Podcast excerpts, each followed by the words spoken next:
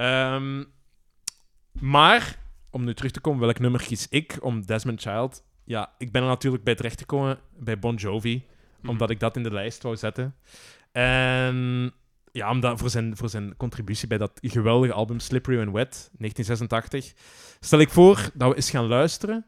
En ik ga daarna nog iets kleins zeggen, maar ik stel voor dat we nu luisteren naar ja, Living on a Prayer, want ja, het andere had jij al gekozen, dus... Ik had het al gegokt. Ja, ja, voilà. Dus dat, jij, wa- jij wist het al van de eerste minuut. Ja, ja. Dus bij deze, Bon Jovi met eh, Living on a Prayer, 1986.